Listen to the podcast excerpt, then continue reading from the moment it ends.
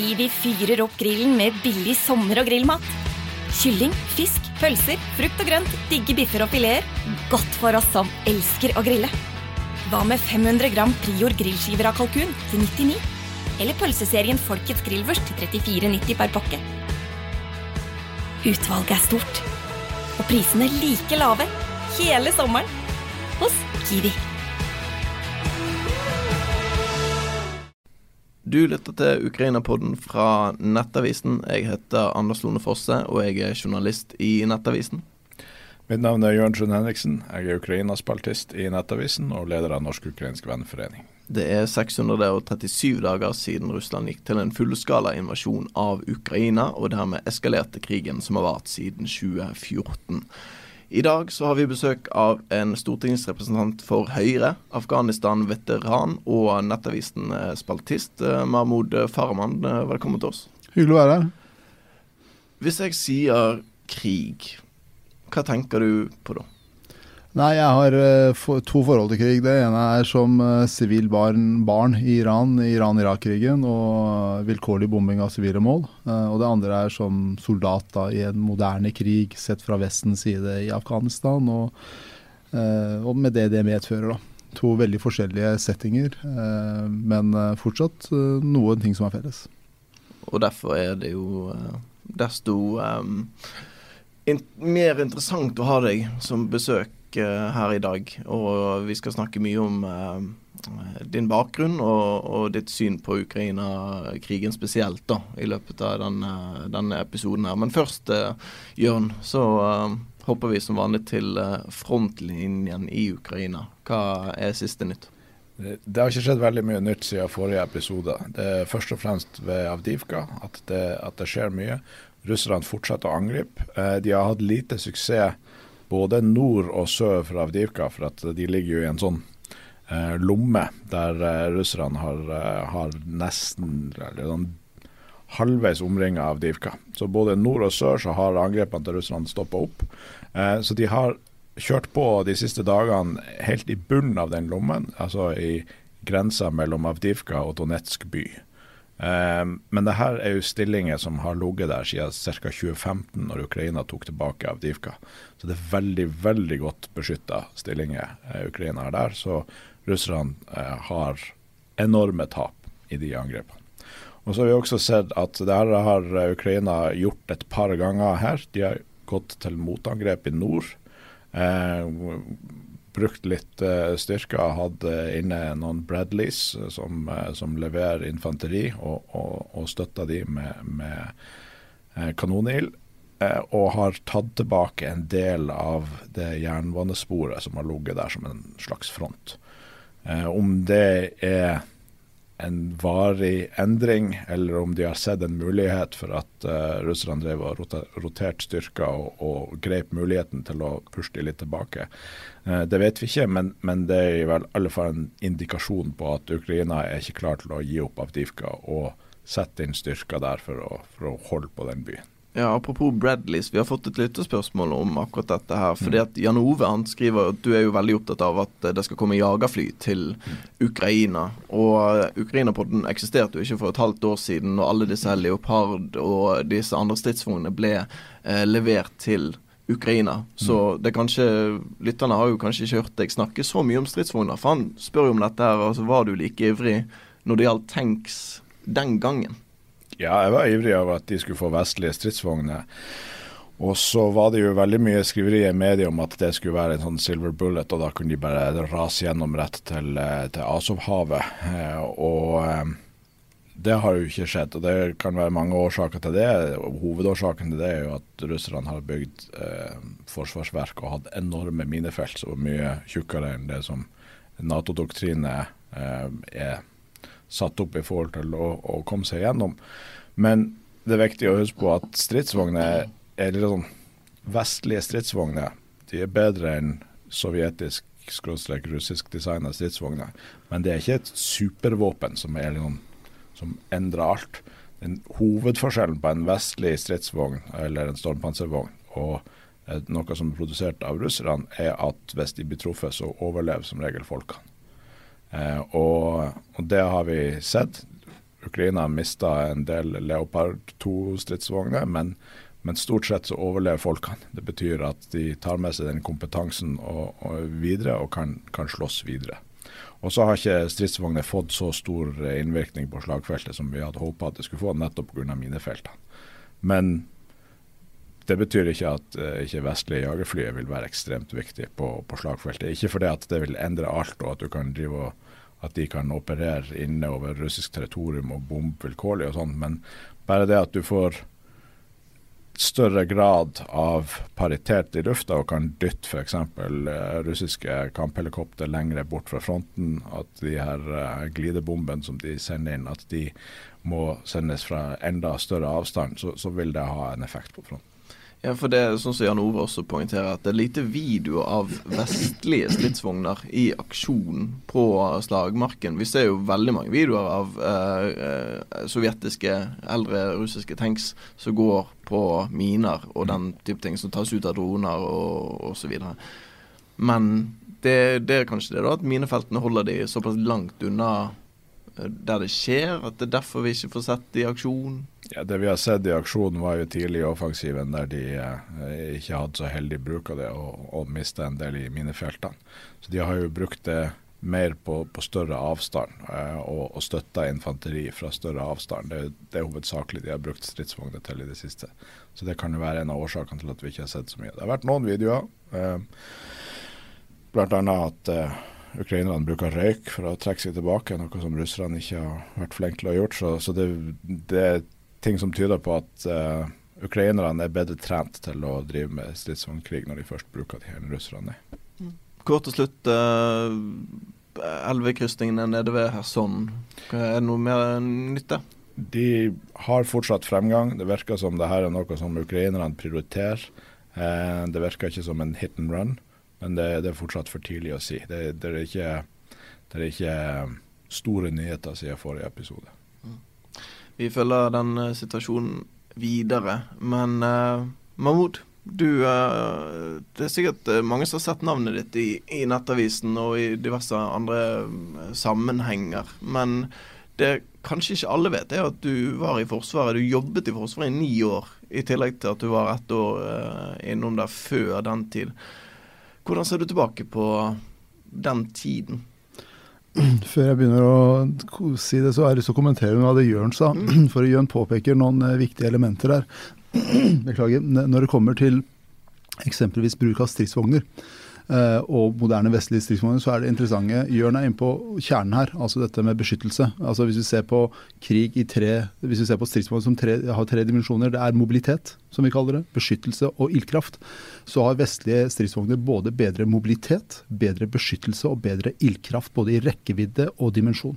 Så det vil altså si at, eh, sånn som Jørn påpeker, at du kan bruke det som artilleristøtte til, til, eh, til infanteriet. Det gir deg mye, mye, mye muligheter. Og det vi ser fra første del av krigen, iallfall noen av de bildene, det er det vi kaller for mobility kill. Nå har ikke jeg vært uh, stor kavalerist, og jeg, er kavalerist, men jeg har ikke sittet så mye stridsvogn. Men mobility kill betyr at stridsvognen mister evne til mobilitet. Beltet detter av, motoren er tatt ut. Dvs. Si at du kan fikse det og bruke det igjen. Uh, men det som gjør det ganske vanskelig her, er jo dette med at når du skal drive med altså Hovedfordelen som ukrainerne drar når de får uh, både stormpanservogner som er vestlige, stridsvogner som er vestlige og artilleri som er vestlig, er at de kan drive med active combined arms. Dvs. Si du kan time artilleriilde med bevegelseshastighet til stridsvogner og panser, stormpanservogner, og komme, komme i, i, bedre formasjoner til fronten. Eh, det er en del av det som er viktig å ha, det, ha med seg. Og det har ikke russerne klart å gjøre en eneste gang. De har ikke klart å drive med active combined arms. Det russerne har gjort er, i denne krigen, er det de har gjort i samtlige andre kriger. Det er å mose alt til støv, og så kjøre inn med stridsvogner. Eh, eller sende inn uh, tidligere fengselsdømte. um, og Det som luftherredømmen som du påpeker gir de, er at da kan infanteriet, altså kan bakkestyrkene fokusere på å krige i én dimensjon, og det er på marka, og slippe å forholde seg til luftherredømme. Mm. Dvs. Si at de kan rydde minefeltene lettere. Det å passere det vi kaller for kanaliserende lende, altså vassdrag og annet, blir mye enklere. Og det er det du trenger. Da kan du fokusere på det som er foran deg, og ikke det som er over deg. Og det kan F-16-fly gi. F-16-flyene, selv om de er gamle, har bedre rekkevidde enn samtlige russiske fly eller sovjetiske eh, era-fly som ukrainerne har, og bedre rekkevidde enn mye av det som er i det russiske arsenalet. Så det gir de masse fordeler der. Men så tilbake til det vi snakka om. det, det, ja, men jeg, Vi kan godt hvile litt på det. Jeg synes det er interessant. For, fordi at uh, Russland hadde jo uh, De har fått mye kritikk for uh, kjøttkvern osv., men de hadde jo uh, De rykket jo veldig raskt fram den første uken. De tok jo hele Kherson fylke i løpet av under en uke. Ja, det er altså For å ta en annen sammenligning. Hvis du ikke er hjemme, og noen kommer og raner deg, får med seg mer da enn hvis du er hjemme og står med deg med et balltre for å ta en helt konkret sammenligning. Er du ikke hjemme, ligger og sover, ingen får med seg noe, så er det mye lettere. Og det er det som vi snakker om. Altså, I startfasen så tror jeg ikke ukrainerne var så forberedt. Eller så, eller så var de forberedt, men satte forsvarslinjene ganske langt tilbake. Og det vi ser er når, når ukrainerne skrur til stikka, og skrur opp tempoet, så ser vi hva som skjer rundt flyplassen, eh, i, i, rundt Kiev-området på flyplassen som var der. Der eh, det mest spisse Eh, mest eh, godt trente russiske enhetene, disse luftlandestyrkene, som er trent i hovedsak til å ta eh, nøkkelmål, som er flyplasser, ikke lykkes. Det står menn, godt overvektige ukrainere med PKM-er, og det ser du på videoen, og Meieriene, flyene deres, helikoptrene tas ut. De klarer ikke å ta flyplassene. Det vil altså si at, Nå er ikke kjent med hvilke doktriner de brukte og hvordan de tilnærmet seg, men med en gang ukrainerne begynte å sette opp forsvarslinjer, så ble det umulig for, for russerne å, å, forholde seg, altså krige aktivt. Og Det vi så, det er 60 km lange kolonnen som sto mot Kiev f.eks., er en ganske interessant sak der de ble konstant harassed. Altså Harassment fire er noe av mest slitsomme som en soldat. For du, ikke får du hvile, ikke vet du når bakholdet kommer, og, og ikke vet du hva, hva, hva, som skjer med deg om en time. og det, det, det, er helt forferdelig å forholde seg til. Og Det var jo samme taktikk, eh, litt mer avansert, som finnene brukte under vinterkrigen. Moti-operasjoner eh, er jo det vi kalte det. Eh, kalle, det kaller kalles fortsatt, og studeres ved krigsskolen på Linderud eh, på, på, Langkrig. Eh, og det vi ser er jo når man satte i gang motoffensiven, eh, det var for ett år siden tror jeg, det var sånn cirka, når Ukraina satte i gang motoffensiven, hvor raskt de klarte å ta, ta, tilbake Lende. Og det er jo nettopp den combined arms-greia som gjør det. Du bruker tyngre skyts, artilleri, til å bryte gjennom de tynne, porøse forsvarslinjene og kjøre gjennom med alt det du har med høy hastighet, det er seg Bradleys eller High Ace eller hva faen du har. Til, beklager banninga. Til å komme deg gjennom fiendens fremste linjer, omringe de og mose på. Og det er det som skjer. Og når du snakker om denne byen, husker ikke navnet på den, Avdivka. Avdivka så er det det, du, det jeg hører du sier, er at en knipetangsmanøver rundt byen har stoppa opp. Og det ønsker du virkelig ikke. Altså Som, som en og enhet i offensiv fase, så er det siste du ønsker, er at offensiven din blir stoppa, spesielt i en knipetankmanøver. Mm. For da blir du stående der. Du får ikke lukka sekken, som vi kaller det. For du ønsker å lukke sekken for å mose det som er inni der, eller ta ut det som er inni der. Det klarer du ikke å gjøre, men du blir stående nærmest med en tofrontskrig, for du må mate to fronter med logistikk. Og russerne er jo ikke så gode på logistikk heller. Så det som skjer, er at ukrainerne kan bare mose på, og russerne hiver på personell, og så vet jeg ikke hvilke avdelinger som står der. Og de klarer ikke å ta unna. Eh, en av de mest interessante tingene med tidligfase i den krigen her, eller for ett år siden, var at du så topp trente, altså det vi luftlandestyrkene, luftmobile styrkene, russiske luftmobile styrker, luftlandestyrker, er godt trent. Deler av de beregnes som en del av spesialstyrkene og sånt. De sto og stanga mot eh, helt ordinær ukrainsk infanteri. Og Det var ganske interessant å se. og Det så du eh, på sørsida av denne eh, Zaporizjzja-innsjøen f.eks. Der sto de, de klarte ikke å få noe gjennombrudd. Og det er det som er interessant. altså Det viser en sånn kjempeutfordring eh, for russerne. fordi til tross for, for det vi har ansett eh, for å være topptrente styrker, så klarer ikke å produsere eh, kampkraft. Den topptrente styrken som de hadde ved grensene våre her i lang tid, denne arktiske eh, polare strøkstyrken, hva de kalles, de er jo, det er jo nærmest ingenting igjen av den. Eller det, var, det er helt utsletta. ikke sant? Også, Jeg syns eh, elvekrysninger er ganske interessant, ja. og, og, minefelt og sånn. For det, det, du ønsker å gjøre, er å presse fienden din gjennom det vi kaller for kanaliserende lende. For da kan du påvirke dem med alt det du har. Uh, kanaliserende lende, det må du forklare. Ja, kanaliserende lende, det er la oss si uh, bruer, kanaliserende lende. Uh, minefelt kan brukes som kanaliserende lende. Dvs. Si at du putter minefelt for å presse fienden gjennom en smalest mulig sti, så du kan påvirke dem med ildkraft. Artilleriild, raids, hva det måtte være. Uh, og de klarer heller ikke å gjøre det særlig effektivt. og Det ser vi i, i um, sør, sørvest der, når vi skal passere denne elva. Ukrainerne har klart å komme seg over og mm. få fotfeste på andre sida. Og, og, det er litt spennende at russerne ikke klarte å gjøre noe med det. De ble pressa tilbake.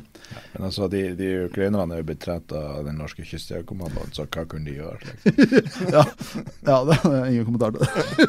Få la det ligge. Eh, vår, vår, vår lange krigstradisjon har redda Nei, men altså, det, det er veldig godt. Og, og, vi har også sett at tidligere i krigen, når russerne prøvde å krysse elver, ja. så ble de herja med, ja, ja. rett og slett. Men, men, tilbake til eh, det du sa om, eh, om det å få mer luftstøtte, så de slipper mm. å, å, å, fokusere på luftrommet. Og Det er en av de tingene som frustrerer meg med, med, at amerikanerne bruker så lang tid på å introdusere nytt utstyr. Det er greit at jagerflyene de tar tid, og de kommer etter hvert, men attackhams ja. eh, kunne de jo fått tidligere. Og mm. det det første de gjorde når de fikk attackhams var å ødelegge to helikopterflyplasser, ja. sånn at russerne fikk mye færre mm. helikopter og, og plage dem med langs fronten. Det er jo positivt, men det kunne de gjort på begynnelsen av offensiven, og ikke på slutten. Det er jeg enig i. Samtidig så i en, gruppe, en chat med gruppe venner så sammenligna jeg dette med å innføre nye, nye våpen hele tida. Som å sitte i en helt ny bil eh, og lære deg å kjøre den, mens kona di sitter i bakgrunnen og slår deg i huet med balltre. For det er litt sånn der du skal liksom, introdusere masse nytt materiell i en krig, der du skal trene opp eh, det var vognpersonell, du skal trene opp uh, ledelsesledere, du skal trene opp piloter det er krevende, altså. Eh, det å bare lære seg å bruke en ny rifle eller pistol eh, tar tid. Altså Du må ha 1000-2000 repetisjoner bare på enkelt trekk for å få det til. Så kan tenke deg Når du setter sammen et avansert system som en stridsvogn, så kan det være godt trent stridsvognpersonell på en T80 eh, eller 62 eller hva det måtte være. Men en, en, leopard er noe helt annet. Du må forholde deg til helt andre dimensjoner.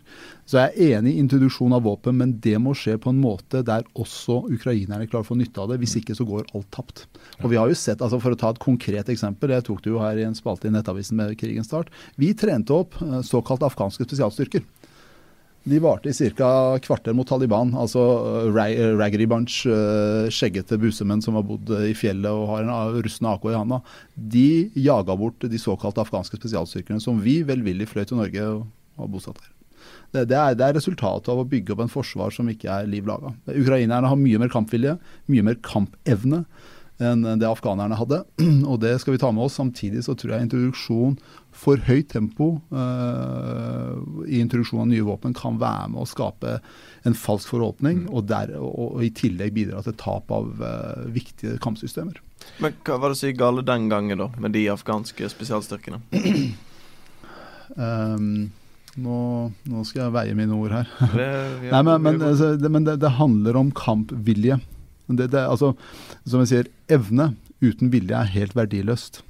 Du kommer ganske langt med vilje uten evne. altså. Mm. Uh, det vil si at Du har vilje til kamp, men du har ikke kapabilitetene i form av våpensystemene. Uh, men du kommer ingen vei med, med kapabiliteter uh, uten vilje.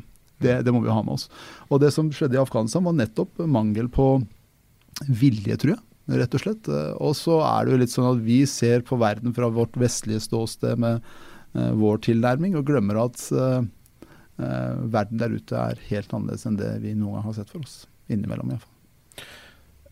Og det er jo en, en av de altså nå når frontene er såpass lite mobile som de er i Ukraina, så er jo det her med kampvilje helt mm. avgjørende. Eh, det er ingenting som tyder på at Ukraina nå kommer til å få et stort gjennombrudd à la Kharkiv-offensiven mm. i fjor, eh, og, og dose gjennom til Azovhavet. Det som kan endre det, er en russisk kollaps eh, i, i kampvilje. Og de Ukraina rapporterer om, det vil de kanskje ha gjort uansett, men eh, det stemmer vel sannsynligvis at eh, antallet som eh, kapitulerer og deserterer fra russisk side øker, særlig rundt Avdivka. Så, så, der kan det jo være noe som kommer. Og Så må vi heller ikke glemme at uh, enhver kampenhet uh, lærer jo over tid. Altså, uh, og russerne har jo lært seg å tilpasse seg. Selv om man ikke skulle få bryte gjennom helt Azovhavet, så er ikke målet kanskje det. Målet er å komme i den posisjonen og der er jo Ukraina allerede, at du kan påvirke logistikklinjene. Dvs. Si at du klarer å kutte av de vestlige styrker, de styrkene som er vest for uh, uh, Zaporizjzja-innsjøen, sånn, eller i det området her, fra resten. Uh, og Når man da har tatt og redusert kapasiteten i overføring til Krim fra Russland, mm. så vil det si at de styrkene er per definisjon avskåret. Og Hvis du da får F-16 i tillegg, så kan du ha luftherredømme. Dvs. Si at du får ikke flydd inn materiell og personell. Du får ikke kjørt det inn, for det blir, du, du får så mye harassment fire fra artilleri og BK og alt som måtte være. Og da vil du slite, altså. Da vil det være forferdelig slitsomt å være russisk soldat eller Wagner eller hva du er på, på, på det, i det området der. Og da kan, man, da kan, man, begynne å dele inn i lommer og spise seg nedover. Ja. Og Det er nok en av årsakene til at Ukraina har vært så opptatt av mm. å ta ut landgangsfartøy. Ja, nettopp. Men er jeg veldig blåøyd og naiv hvis jeg ikke forstår russernes kampvilje når de invaderer det som i bunn og grunn er deres egne. altså Det er jo, det er jo mer eller mindre samme folk på, hvis du går bare noen litt, litt tid tilbake.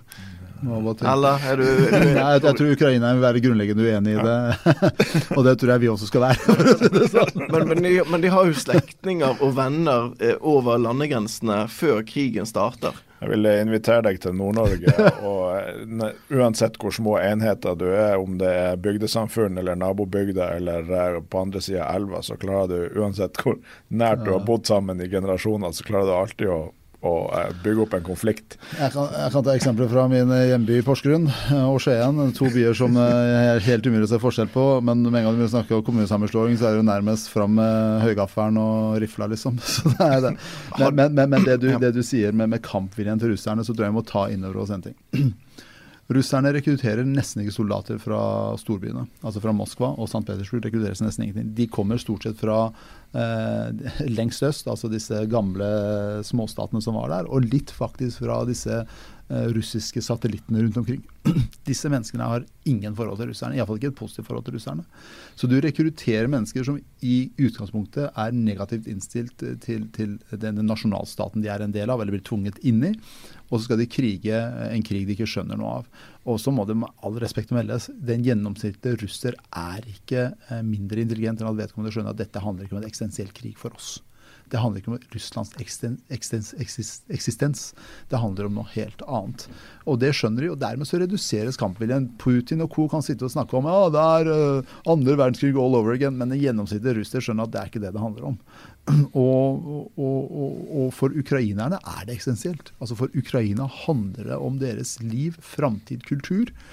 Og dermed så blir de igjen og kriger. For de har et forhold til denne nasjonalstaten som de er villige til å forsvare. Selv om det, det, er korrupsjon, og selv om det er sånn, og selv om det er slik, så er de villige til å stå igjen og forsvare.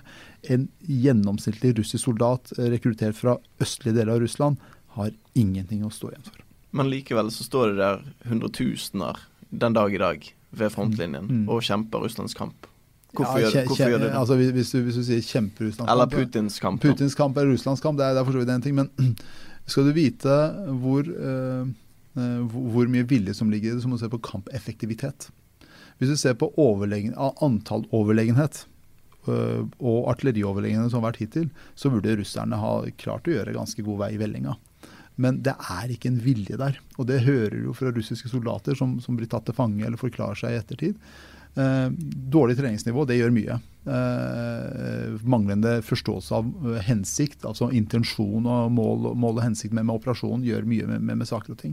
Og i tillegg til at du konstant er sulten og fryser og sånt, det gjør også litt med, evne til å stå ved fronten her. Så, så jeg forstår jo for så vidt at russerne sliter. for de det, det, her er, det er en krig som veldig få forstår veldig De, de forstår veldig lite av det. Mm. Veldig få forstår mye av det. for å si men, men, litt av spørsmålet ditt går vel på hvorfor de ikke bare gir opp, eller hvorfor de i det hele tatt eh, er der. Og jeg tror jo det da må vi gå inn på den ekstreme brutaliteten som finnes mm. i russiske styrker, og den brutaliseringa som, som overordna gjør nedover i, i systemet. Mm. Og den har vært en del av russisk uh, kultur siden før, mm. uh, siden før Sovjet. Mm. Uh, tilbake til tsartida. De kaller det for grandfathering. og Vi trenger ikke gå mm. inn i detaljer hva det går ut på, men det er en ekstrem brutalitet. Mm. så jeg tror nok at ved fronten, og også fordi at folk lever såpass kort at de ikke vet nødvendigvis hvor, hvor, hvordan det her er, så er de i utgangspunktet, når de er der, mer redd for sine egne overordna enn ukrainerne. Og det tror jeg er en sånn grunnleggende effekt som gjør hvorfor de blir. Og det, det som, altså du, du, tar det helt tilbake til Sarna, jeg er helt enig. altså den Russlands, Den russiske hærens brutalitet er jo velkjent. Hvis vi ser tilbake til andre verdenskrig, så var det sånn at altså, enten så gikk du mot uh, som mitraljøser, eller så ble du meidna av egne mitraljøser. Det er sånn veldig, veldig enkelt forklart. Det er samme situasjon nå. Mm. og, og, det er ikke noe valg ikke sant, for, for disse menneskene. Um, og grandfathering er jo et interessant tema i seg selv. Uh, og, og, og, det jeg bruker å si, er at vi, vi ser to veldig klare eh, Eller vi ser hvordan østlige forsvar fungerer i to klare kampsettinger. Mm. Det ene er Russland. Og det andre er faktisk det som foregår i Midtøsten mellom eh, Palestina, eller mellom Hamas og Israel. Mm.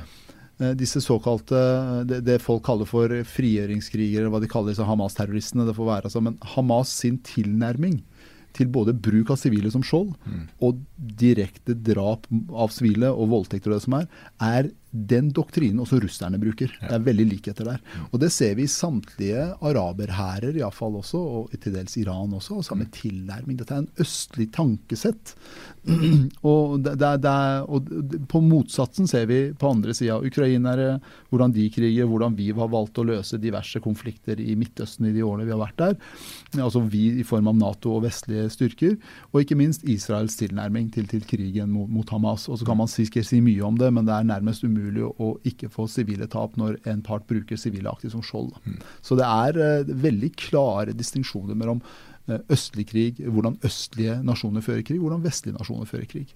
Uh, og det er noe som vi snakker litt for lite om, syns jeg, i disse sammenhengene som er. Mm. Erlend uh, Bjørtvedt, som vi hadde uh, besøk av sist, snakket jo om Russlands bånd til selvfølgelig Iran med tanke på droner og den slags, men han nevnte jo også dette med at de nå har fått seg en alliert i Saudi-Arabia nærmest pga.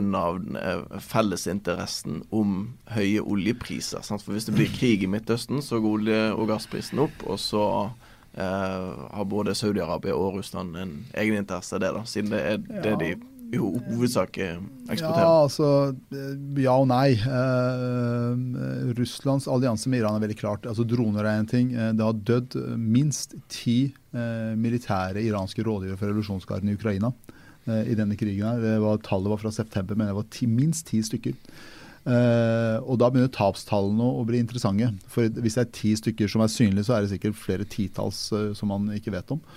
Mm. Men tilbake til Saudi-Arabia og Russland-linken, så kan jo Saudi-Arabia på eget kjøl, og det har gjort mange ganger tidligere, helt tilbake til 70-tallet, kan jo bare skru igjen kranene og skru opp prisen på den måten her. Det er jo ikke noe problem. Altså Man trenger ikke en krig i Midtøsten for å gjøre det. Eh, så om Saudi-Arabia er så interessert i konflikten mellom Hamas og, og, og, Israel, det får noen andre spekulere. Jeg tror Saudi-Arabia står ikke bak den konflikten, det er Iran som står bak den. Eh, og Iran har jo nesten ikke eksportkapasitet eller mulighet. De selger sin råolje til Eh, langt under eh, markedspris til kineserne for å få sponsa diverse terrororganisasjoner.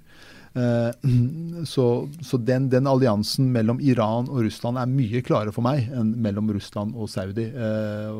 fordi Saudi kan på eget kjøl, som ledende nasjon i OPEC, skru opp prisene når det passer. Jeg kan ta et uh, lytterspørsmål til. Det er Jan Ove, som for så vidt var tidligere i sending også. Han uh, snakker om uh, artilleriammunisjon. Du har jo brukt mye tid på dette, Jørn, og snakket om hvor viktig det er med artilleristøtte, spesielt i Avdivka, hvor um, man snakker om at det er enkelt å ta ut disse russiske kjøttkvern-taktikken. hvis man bare hadde hatt litt mer artilleri for det at Ukraina rett og slett må rasjonere.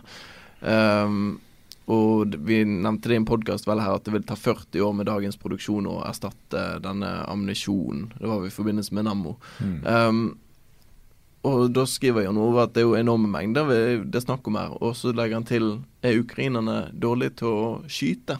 Er det slik at de bare fyrer løs, siden det ikke er de som eh, betaler? Nei, og det, Mahmoud kan uh, gå nærmere inn på akkurat det her med artilleri uh, sikkert også, men, men altså det tallet på, på, 40 år det er jo bare å erstatte det Nato trenger for å bygge opp sine lagre igjen. Mm. Så det er jo uavhengig av Ukraina. Ukraina kommer i tillegg. Og vi har uh, en ting vi har lært, og det lærer vi hver gang vi har en stor industriell krig, det er at vi er ikke forberedt på en stor industriell krig. Mm.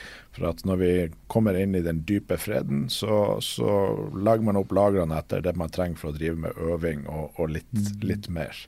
og ikke det man trenger for en faktisk krig. Så krigen i Ukraina er mellom to industrialiserte nasjoner, og da går det unna med masse artilleri. Og I tillegg så har jo all vestlig Nato-krigføring bygd opp rundt luftherredømme, mm. og mye mindre bruk av eh, artilleri enn eh, russisk-sovjetisk doktrine. Mm. Og når vi ikke har klart å sørge for at Ukraina har det luftherredømmet, så er de mer avhengige av artilleri. Men eh, ukrainerne er veldig gode til å skyte. Mm. Altså, de uh, Russerne bruker artilleri som et områdevåpen, mens uh, Ukraina trenger ett eller to skudd for å ta ut en stridsvogn. Så, så de, er, de, er, gode på det. Men det er klart når det kommer sånne menneskelige bølger, så trenger du å områdeskyte også. Men når det gjelder artilleri, så har du jo altså du, du har dette med, med, å bruke det som en form for um, si, uh, ildstøtte for, for, fremrykning eller, for defensive og offensive operasjoner, kall det gjerne, så har, du, har vi jo systemer så, som kan altså det, homing, da, peiling. For du regner krumbanen på det som kommer inn, så kan du skyte tilbake. Og Det er jo det som har gjort det interessant, for det er derfor du får, får mobile artillerisett som uh, jeg tror 2S9 og den typen ting, som kan skyte og flytte seg.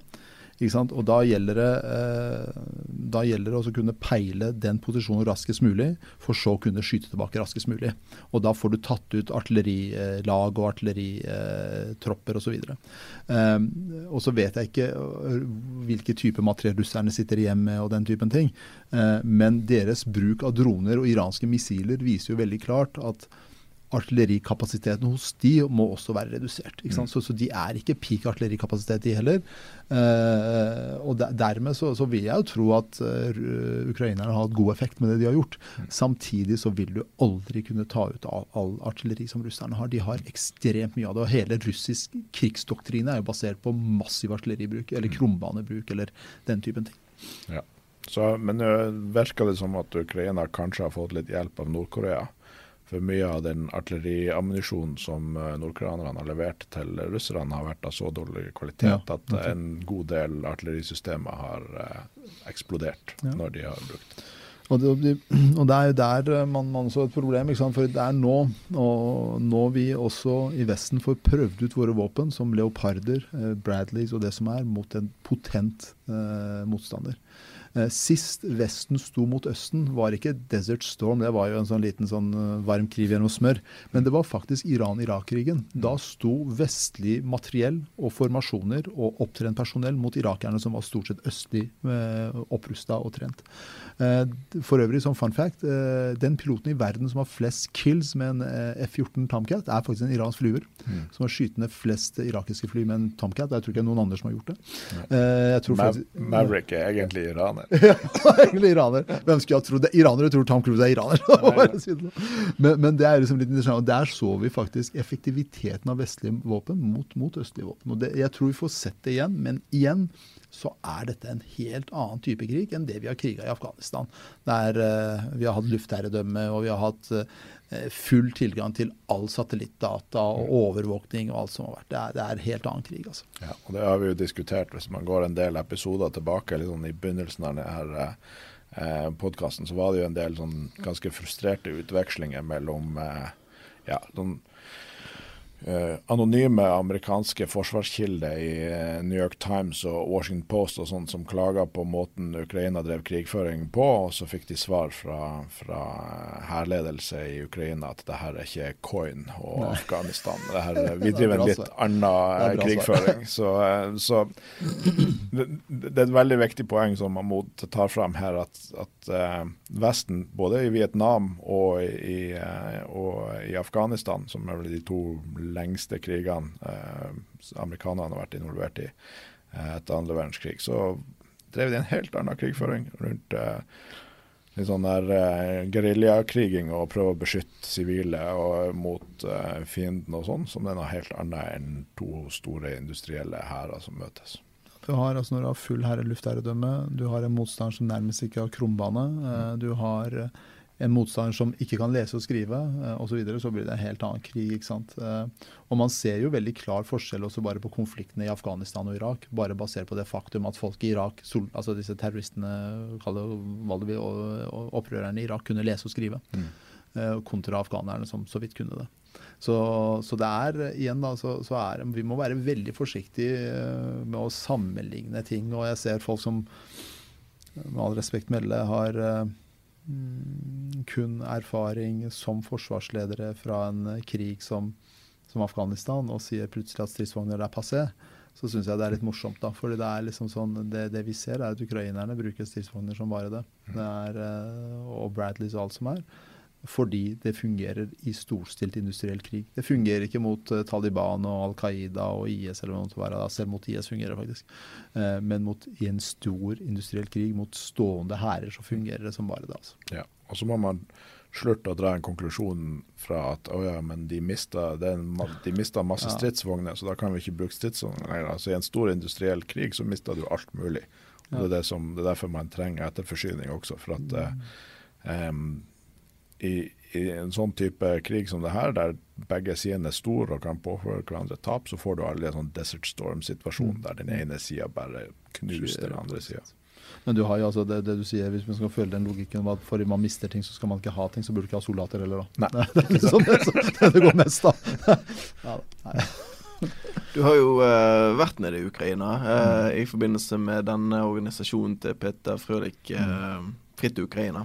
Fortell om uh, hvordan var den turen? Nei, det var en veldig interessant tur. Uh, vi kjørte ned uh, via Tyskland og Polen og inn til Ukraina. og så er det jo, jeg, jeg har vært i krigsherja land før, så er det sånn mye kjent. Det er jo sandsekkstillinger og checkpoints og det som er, og mørkelagte byer og veier og sånt. Men det mest interessante er overgangen fra Polen til Ukraina i, i bare i form av logistikk. Veikvalitet, veibredde, eh, osv. Og, og hva det vil gjøre med fremføring av materiell. Det var jo Chomeny som eh, sa noe om at logistikk det er det kriger vinnes og tapes på. Eh, Chomeny var da Clausewitz' motpart, eh, men han var fransk. Eh, eller han var fransk. Eh, og, og, da liksom, Bare se på veistandarden, så var det en forståelse av logistikken her, og behovet for å ha effektiv logistikk i en krig er he helt vanvittig. Og det blir litt mer krevende når du skal få inn alt dette her. Og så er det mye som går på bane. Men med en gang du går på bane, så er det mye lettere mål da, enn på vei. Eh, så da det, det, var det første som slo meg når, når jeg kom inn der. Ja, Var det, var det god eller dårlig? Det Nei, altså Veikvaliteten var betydelig dårligere i Ukraina enn i Polen. Eh, så, så fram til grensa så går det jo radig, og så kommer vi inn til Ukraina. Der er veikvaliteten betydelig dårligere. Eh, det er det første. Det andre er jo hvor, hvordan folk i all galskapen opprettholder normalitet. Folk reiser på puben og kafeen og tar seg en øl og en, en vodka eller hva det måtte være, og, og, en kaffe. Og, og, det er liksom Folk prøver å opprettholde en normalitet, og det husker jeg som barn fra Iran òg. Til tross for at sykehus ble bomba og skole ble smadra sånn, så, så gikk vi på skole og spiste middag og var vant med at flysirena gikk og lyset ble slått av og gikk inn i kjelleren. Sånn. det var liksom livet. Så den normaliteten å kunne opprettholde det er helt avgjørende da, for å kunne på en måte holde landets økonomi og holde hjula i gang. Um, og så må jeg si at jeg er, um, jeg er fortsatt dypt imponert over uh, ukrainernes uh, kampvilje. Uh, og jeg bruker å si i motsetning til en del andre land, så ser du ikke en sånn storstilt uh, exodus av menn i kampklar alder. Altså. Du ser nærmest ikke det. Og de få som kommer seg ut, de skammer seg som bare det og tør ikke å si noen ting. Ja, for det har vi fått et lytterspørsmål her om. Uh, at uh, hva skjer med de når de eh, kommer tilbake igjen. Kristian eh, har spurt om dette. For han skriver at eh, For det første skriver at han bikkjen elsker Ukraina-podden, fordi at hver gang han finner fram headsetet, så skjønner han at nå blir det en lang tur. Disse her eh, episodene er jo ikke korte, herregud. Men uh, han skriver at uh, han kjenner en god del ukrainerne, men han har aldri diskutert med dem hva skjer når krigen en gang tar slutt og disse her ukrainerne skal tilbake igjen.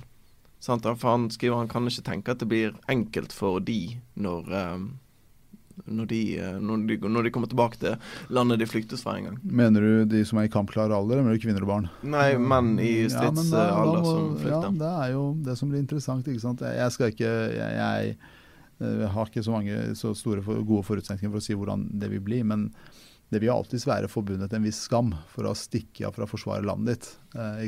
Og Så kan man sikkert unnskylde seg med tusen og en ting, men til syvende og sist så er det millioner av menn og kvinner som har stått igjen og kjempa denne krigen. her, Så er det noen, som, eh, noen menn eh, spesielt som har valgt å reise fra konflikten. Eh, og da vil det nok være en viss eh, skam forbundet med det. altså. Og så må vi være klar over at det er ikke sikkert at alle ukrainerne vil reise tilbake til Ukraina selv når freden kommer. For det er jo det vi har trodd hele veien. Men jeg tror kanskje ikke det blir realisert slik som jeg også trodde i utgangspunktet. Ja, så er det jo Vi vet jo ikke historiene bak uh, de her. altså Det er flere menn som kommer nå enn det var for et år siden. og for alt vi vet, så kan det være en del av de som har tjenestegjort og, mm. og av forskjellige årsaker ikke skal tilbake til krigen uh, også. Så, så um, var det du sa, at det kommer menn til Norge? Ja. ja. Mm. Uh, og Nå har jeg ikke noe tall på det, så jeg vet ikke om det er noen her uh, 5 økning eller en 50 mm. økning, mm. eller hvordan det er. Men, men det, det, det, det, er flere menn som kommer nå enn tidligere. Og så kan det være mange årsaker til det, mm. uten at uh, vi vet veldig mye om det. Mm, mm, mm, mm. Eh, tilbake til den Fritt Ukraina-turen. Hva var målet for turen den gangen? Var, var, det den første turen? Det var den første turen. Det var å levere materiell til uh, Ukrainas krigsinnsats. Og det er vel for så vidt målet fortsatt. Man leverer masse forskjellige Eh, materiell som er etterspurt. Eh, både enkeltmannsutrustning og ting som kan brukes til logistikk eh, og, annet utstyr. og det tror jeg nok er Si, det, er nok det mest effektive måten man kan bidra. Det å sørge for at en soldat ikke fryser, har god effekt på moralen f.eks. Å sørge for at logistikkenheter har mobilitet langs vei. Eh, eller ute i lende har eh, mye å si. Med lende så mener jeg ute i terrenget, da, for å bruke sånn folkelig ord. Eh, det å sørge for at man har evne til å skaffe seg oversikt er, er, viktige temaer her. Så det var, det var, derfor vi reiste, og det er derfor man også fortsatte fortsatt denne jobben. og si at PC Frølich har gjort en kjempejobb. Altså. Han, har, han har stått på og skapa en organisasjon med høy tillit, og giverviljen og gleden er deretter.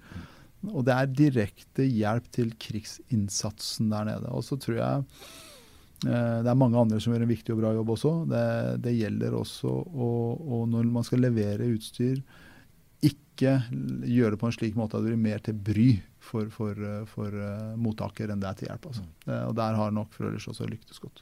Ja. Det er et godt eksempel på altså, må aldri tenke at det her, det her, er så stort og skjer ute i verden, så jeg, jeg kan ikke gjøre noe med det. Altså, alle, alle, kan gjøre litt. Jeg skal ikke nødvendigvis gjøre så mye som, som PC, men, men, mm. bare det å gi en donasjon eller noe sånt, enten til en organisasjon som så Fritt Ukraina, eh, det du sier om, om eh, moral og kalpvilje mm. er viktig. Det finnes organisasjoner i Ukraina som lager mat som mm. sendes til fronten, og donerer til, til sånne type ting. Så, så alle alle små ting gir i sum eh, positiv effekt. Eh, mm. Så, eh, så det, det, er veldig imponerende det, det Fritt Ukraina mm. gjør. Og, og vi snakka om Hersson-fronten her eh, tidligere, og elvekryssing. Og den forrige leveransen de hadde, var jo båtmotorer til, mm. til avdelingen som er der. Så det er veldig bra greier. Er det noen sånne hendelser Du nevnte dette med at det var, alt var veldig normalt. Men det var noe annet du bet merke i når du var der nede? Noen hendelser som Nei, det er, Kanskje for, for, meg så er mye av dette en, altså, Med den bakgrunnen jeg har, så, så legger jeg kanskje ikke merke til reagerer kanskje ikke like sterkt på ting som andre vil gjøre. Men det at uh, du blant annet altså på en sånn tur eh, så blir man jo litt mer årvåken iallfall på, på det vi kaller for infill, altså infiltrasjon til området. Det, I Polen spesielt, på, på, hva som foregår, hvem som er rundt oss. Det man ser er at vi er ikke alene om dette her. Mm. Det er både mer profesjonelle entiteter. Eh, og man biter seg merke i folks antrekk og kjøremønster, så vet man profesjonalitetsgrad basert på det. Med profesjonelle entiteter som er ute og, og, og leverer materiell. Og så er det oss, og det er masse giverglede, eller vilje. Eh, det som man, man, også ser der, er jo at uh, når man kommer og skal inn i landet, så, så er det lange køer med, med, med leveranser. Og, og, ukrainerne er uh, ganske nøye med, med tollpapirer og tollerklæringer, og hvor skal dette materiellet, hvem skal ha det. Altså navn på person og telefonnummer og kontaktdetaljer og sånne ting. Og det, det skaper tillit. For det som man har snakka om tidligere, er at Ukraina er korrupt sånn og slik. Men når man ser den der eh, analoge papir, papirmølla som, som man må igjennom, ned på hvilken avdeling som skal ha hva, så får man, et, får man et inntrykk av at dette, dette, er i trygge hender, og det kommer fram dit det skal. Um, og så er det den, den, den, typiske greia i en krig å bygge opp um, sivilbefolkningens moral og forståelse, og det hadde gjort til gangs på torget der. da. Satt opp bilder av folk som hadde falt, uh, minnes de som var Rådhuset var farga i dette, uh, dette det, skal si, det ukrainske flagget med, med alt det det, det, det medførte der. Uh, ellers så igjen så ser man mørkelagte gater for å ikke kunne gi uh, hint til uh, overvåkningskapasitetene som russerne har, vært seg satellitt, droner, hva det er som er i lufta der. Og den typen ting som også bevitner at landet er i krig. da. Det, det, er veldig interessant det du sier det med at hvor, for at et bilde som vi i Norge har fått gjennom Dagsrevyen og mange år, er jo at krigsherja land er jo failed states og, mm. og, og sånn. og det, det, er viktig å omstille seg når man tenker på Ukraina, at selv om det er krig der, så har de en mm. fungerende stat. Mm. Og et sånn litt, sånn litt, sånn absurd eksempel som, eh, som, jeg har vært borti med en av de organisasjonene som driver og kjører ned, det er at mm. eh, de trenger jo veldig mye biler i mm. Ukraina. Så man, man, kjøper jo gjerne biler i Norge og, og, og sender over. Og noen av de bilene har eh, miljøutslipp som er større enn det som er tillatt i Ukraina. Mm. Så da må de gå gjennom byråkratiet for å få importtillatelse av de her bilene som har større eh, klimagassutslipp enn det Ukraina egentlig tillater. Så det viser på en måte, det blir, det blir litt sånn absurd, men allikevel det er et godt eksempel på at at Ukraina som, som, som, stat og som myndighet og sånn, de, de, følger sine egne lover og regler. Og, og, og det er liksom ikke det er ikke Mogadishu eh, på 90-tallet, liksom. Men det du sier der, altså, at det er failed states, det er jo utgangspunktet landet har.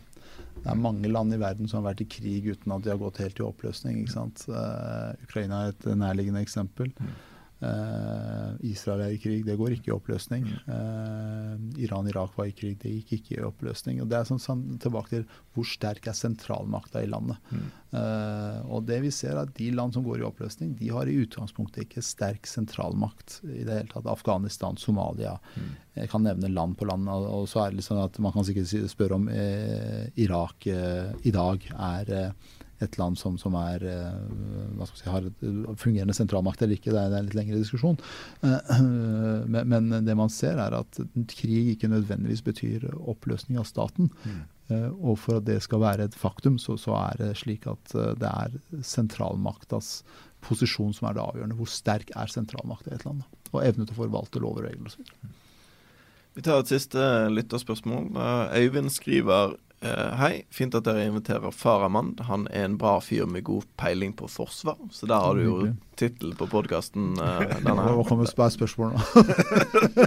nå skal det grilles. Ja, det det uh, han skriver mange land med nærhet til Russland ruster nå betydelig opp sine væpnede styrker. Så drar han litt sånn gjennom detaljnivå på Tyskland og, og Sverige. Og så spør han hva med Norge? Fordi at eh, med F-35, som han skriver, så har vi snart et meget godt luftforsvar. Mm. Men vi hadde en gang en hær med 13 brigader. I mm. dag så står hæren uh, uh, i praksis av kun en liten halvmekanisert uh, brigade. Mm. Alle med kjennskap til realitetene vet at den norske hæren bare er en symbolsk kapasitet som ikke vil makte sin oppgave med å holde stand i nord inntil allierte forsterkninger, forsterkninger forhåpentligvis kommer oss til unnsetning, skriver Eh, Øyvind. Og så kommer spørsmålet. Hva vil Høyre, ditt parti, med Forsvaret? Alle partier, skriver Øyvind, oppgir et tåkete og uforpliktende mantra om at de vil styrke Forsvaret og øke investeringene. Kan en norsk politiker for en gangs skyld gi et konkret svar på hva styrking og økning innebærer? I praksis. Ja, i praksis. Uh, la oss begynne med, med utgangshypotese om at vi hadde x antall brigader en gang på 80-tallet. 13 brigader bestående av uh, luft, uten innhold, uten materiell til personellet. Uh, uten våpen. Det hadde vi ikke. Vi hadde ikke grunnutrustning, altså det vi kalte for GRU en gang i tida. Vi hadde ikke, det var masse med utstyr som mangla på disse brigadene, så det var ikke fullverdige brigader. Så bruker jeg å si at jeg eh, på, hadde kjenningskurs i oppklaringslag i 1999. Da hadde vi eh, kryssreimer og pistolbelte og, og recon-pack hadde vi da. Men det var liksom den tidens utstyr. Jeg kom tilbake når jeg gikk ut av Forsvaret i 2012 så hadde vi eh, betydelig bedre utstyr. Det vil også si at bedre utstyr i seg selv er én ting, men da må du også ha bedre trente soldater. Så en soldat i 2023 har nok mer kampevne enn en soldat en gang på 80-tallet.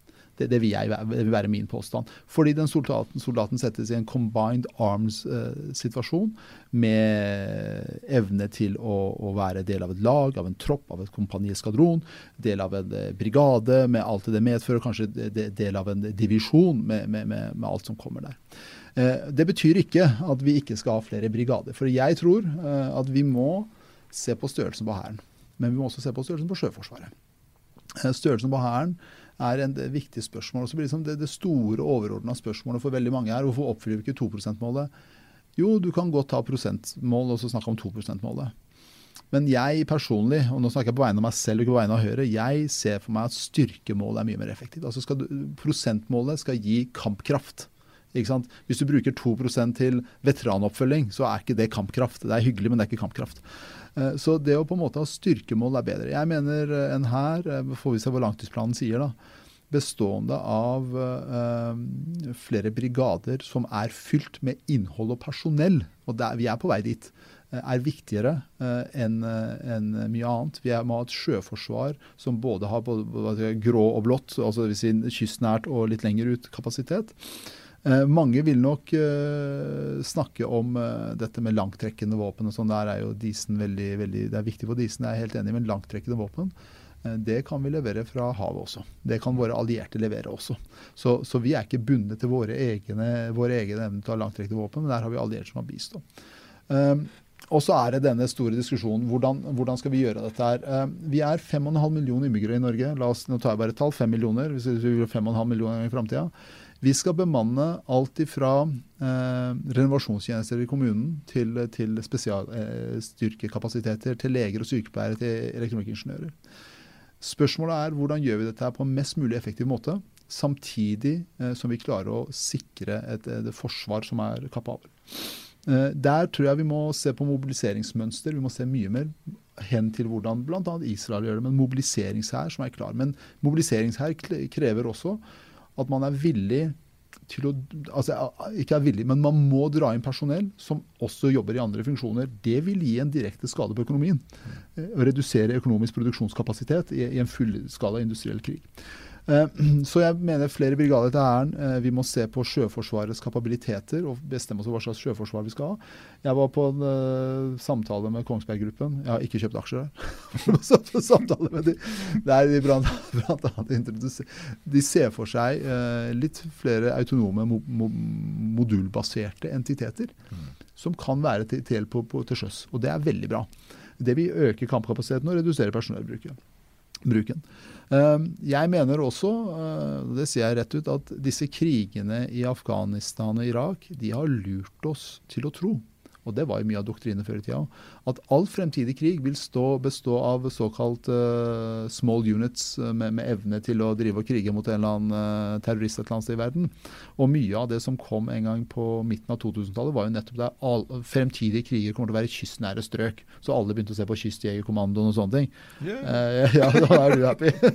og, og, så viser det seg at ja, fremtidige kriger er kanskje ikke, ikke det. Så, så vi må være veldig forsiktige med å overtolke erfaringene fra krigene i Afghanistan og Irak, men også fra det vi ser i Ukraina. Erfaringen i Ukraina er ikke ferdig fordøyd, mm. og det vil ta tid før vi tar til oss. Og Det må også være med å danne grunnlaget for, for Forsvaret. Men som jeg sier, en styrking av Forsvaret må til. Styrking av Hæren må til med flere brigader. Eh, og, og Sjøforsvaret likeså. Og så blir det store spørsmålet hvordan skal vi få dette her til å gå i hop med det antall mennesker vi er, og med alle de stillingene vi skal bemanne i, i en nasjon. Veldig mange, veldig mange, gode poenger her. Så dessverre så sa du jo mye bra om Sjøforsvaret. Jeg hadde en 25 hærvitser. Men, men, men eh, med, veldig mange gode poenger her. Og så tenker jeg altså vi må jo også se litt på hvilke styrker har vi som, som eh, samfunn når det gjelder både vår kompetanse og vårt terreng og topografi og, og sånn. Og Norge har vært en sjøfartsnasjon eh, siden Leif Eriksson oppdaga Amerika. og mm at vi ikke har mannskap til å kunne bemanne mer enn én fregatt i gangen, er jo ganske trasig. Um, og at uh, en styrking av uh, antallet, la oss kalle det antallet sjømann i marinen også har uh, positive effekter for den norske sivile økonomien. Mm. Det er jo åpenbart. Så man har en del sånne synergier der som man kunne utnytte. Og så er det det med erfaringen fra, fra Ukraina er jo interessant. Nei, vi, vi vet ikke ennå hva det blir til slutt, men, men, det er jo spennende det som skjer med sånn asymmetrisk mm, krigføring. Mm. At små enheter kan forvolde stor skade på, på avanserte ting. Eh, og Mahmoud har et veldig godt poeng med at ja, vi kan ikke gjøre det halvveis, sånn som mm. det var på 80-tallet. Mm. Vi må liksom ta hele greia. Og som spørsmålsstilleren kommer med, ja, vi er i ferd med å få et veldig godt flyvåpen med F-35, mm. et av de dyreste flyene som finnes i verden. Men vi skal altså plassere de i telt mm. eh, på, på, Ørlandet. Og når vi ser hvordan eh, ukrainerne bruker droner for å herje mm. med parkerte fly i Ukraina, så kan det jo være at det er et poeng at vi på en eller annen måte, om det er på Ørlandet eller en annen plass, har en måte å beskytte de flyene på mm. Eh, når de står parkert. At de ikke skal stå i telt. Og så ser vi også at uh, Ukraina er i ferd med å vinne slaget om Svartehavet, selv om de ikke har egen marine. Um, så det her med små enheter som kan gjøre stor skade Vi har uh, nesten ikke noen stridsbåter, uh, stridsbåt 90 igjen i Norge. Mm. Og ukrainerne driver og eksperimenterer med, med sånn, vannjeter og, og, mm. sånne type ting.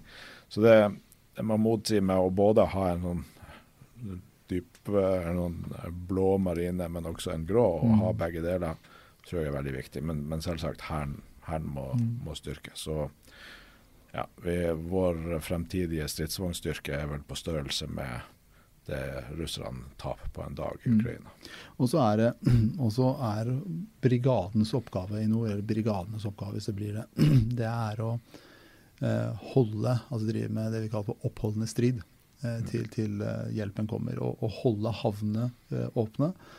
Uh, og den oppholdende striden, den er krevende. Mm. Uh, altså kan brigadesjefen sikkert selv svare på hvordan han har tenkt å gjennomføre det, uten å gå i detalj. Men det som uh, vi skal være klar over, er at en del av disse hypotesene om at innen styrken har kommet fram, så er hele stridsvognenheten tatt ut og sånn. Altså, Brigaden sitter ikke og venter til, til første skuddsalve har gått. De, de, har, de, de, har, nok bedre etterretning som så, og klarer å posisjonere seg ut som, som det er. Eh, og vi må finne en kombinasjon med tungt og lett. Eh, mm. høymobile styrker eh, kombinert med altså avstand og, og, og, og, beskyttelse. Og i en krig det bruker å si, at det du ønsker å skape, og det er som grunnleggende infanteri eller grunnleggende hærdoktrine, det er å skape dilemma for motstanderen på avstander. Hvis du kan påvirke en motstander på 100 meter, på 1000 meter og på 10 000 meter og lenger, så blir det et helvete. Du kan påvirke fremste linjer, du kan påvirke nær, nærlogistikken, du kan påvirke dyplogistikken. Da blir det vanskelig å gjemme seg. Og Det er den kapabiliteten vi trenger å bygge opp gjennom, å ha, altså gjennom infanteri eh, og spesialstyrker, om man vil det. Eh, artilleri, stridsvogner og ikke minst langtrekkende våpen fra lufta, fra, fra havet, fra sjøen. For å kunne på sett og vis ha, ha god påvirkningsevne. Og, og, det er nok det som også blir ryggraden. Det er derfor du trenger kom, komplett brigade. Det er derfor du trenger sjøforsvar, det er derfor du trenger luftforsvar. Og F-35 uten eh, kapabilitet på bakken er temmelig verdiløst. Altså, hva skal du gjøre med det? Og det, det tror jeg de fleste forstår. Mm. Helt til slutt, eh, du snakket litt om etterretning her. Eh, vite at eh, fienden kommer. Du snakket også om at vi på en måte har blitt lurt til å i, i, å forstå hva krig er, med de siste sånn 20-25 årene med, med, krigføring i verden. Um, ble du overrasket da Putin valgte å gå til eh, fullskala invasjon av Ukraina 24.2.2022? Hvis jeg sier nei, så ljuger jeg jo. Altså det, jeg, har minst, min, min, jeg, har ikke følt meg så mye på Østen der. jeg skal si Ukraina og østover. Det har ikke vært min greie. Og etter, etter krigen så har jeg begynt å følge mye mer med. Eh, men jeg ble overraska, for igjen så lever vi i den verden der alle vil det samme som oss. Gjensidig avhengighet er liksom det saliggjørende. Bare alle handler nok med hverandre, så blir det bra. Og det syns jeg er eh, må bare si det sånn, det er ganske underholdende, er at når jeg tok opp eh, når jeg satte spørsmål ved gjensidig avhengighet på krigsskolen i, sin tid, så ble, fikk jeg nærmest sånn, jeg fikk jo kjeft av, av instruktøren på, på faget, i faget. Men det er ganske godt å høre at uh, høytstående politiske ledere nå mener at gjensidig avhengighet var kanskje ikke det beste trikset i boka. Kanskje vi skulle ha tenkt oss litt om. For jeg, jeg, jeg ble jo overraska, uh, men det er igjen tilbake til jeg følger ikke så nøye med. Og så var det flere norske eksperter som følger mye mer nøye med, som mente at dette her, nei, nei, de, de bare øver og sånt. Så tenker jeg, hvis du er ekspert på Russland og mener at det der var bare en øvelse, så burde du kanskje vurdere ekspertisefeltet ditt. da. Og hvis noen vil høre tidligere episoder av Ukraina-podden, så eh, eh, Jørn, eh, Jørn som eh, rådgiver i Arbeiderpartiet, han eh, jo i, han har vært gjest her en tidligere episode, han jobba jo i Nato på dette tidspunktet. Mm.